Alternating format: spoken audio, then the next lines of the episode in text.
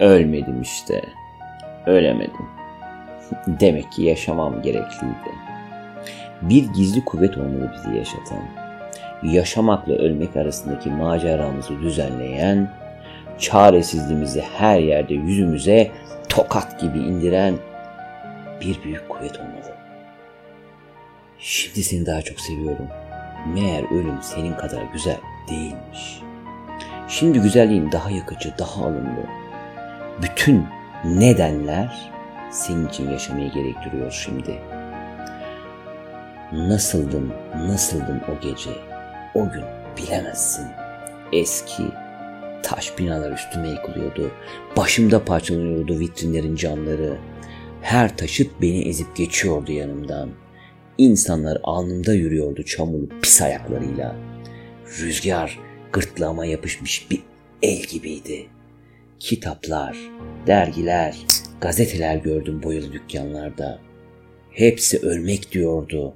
Yalnız ölümdü gördüğüm kaldırımlarda. Artık her şey boştu, yalandı. Kirli bir çamaşırdı üzerinde yaşamak. Umutlarımı yitirmiştim. Arayıp bulacak gücüm kalmamıştı. Öylesine yorgundum, bitkindim. Ellerimi sevmiyordum. Gözlerim utanç veriyordu gözlerime. Damarlarımdaki kan rahatsız ediyordu beni.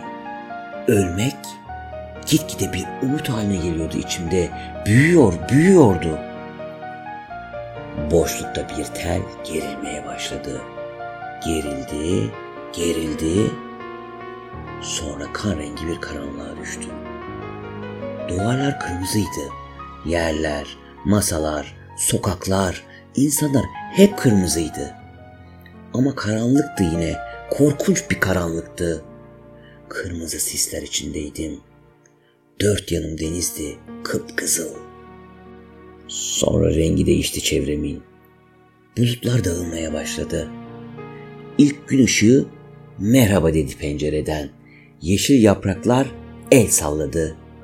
Bir adam uzun uzun öksürdü. İlk ellerimi buldum vücudumda.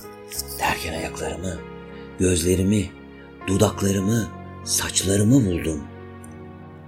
Ve seni düşündüm. İşte o zaman yaşadığımı anladım, utandım.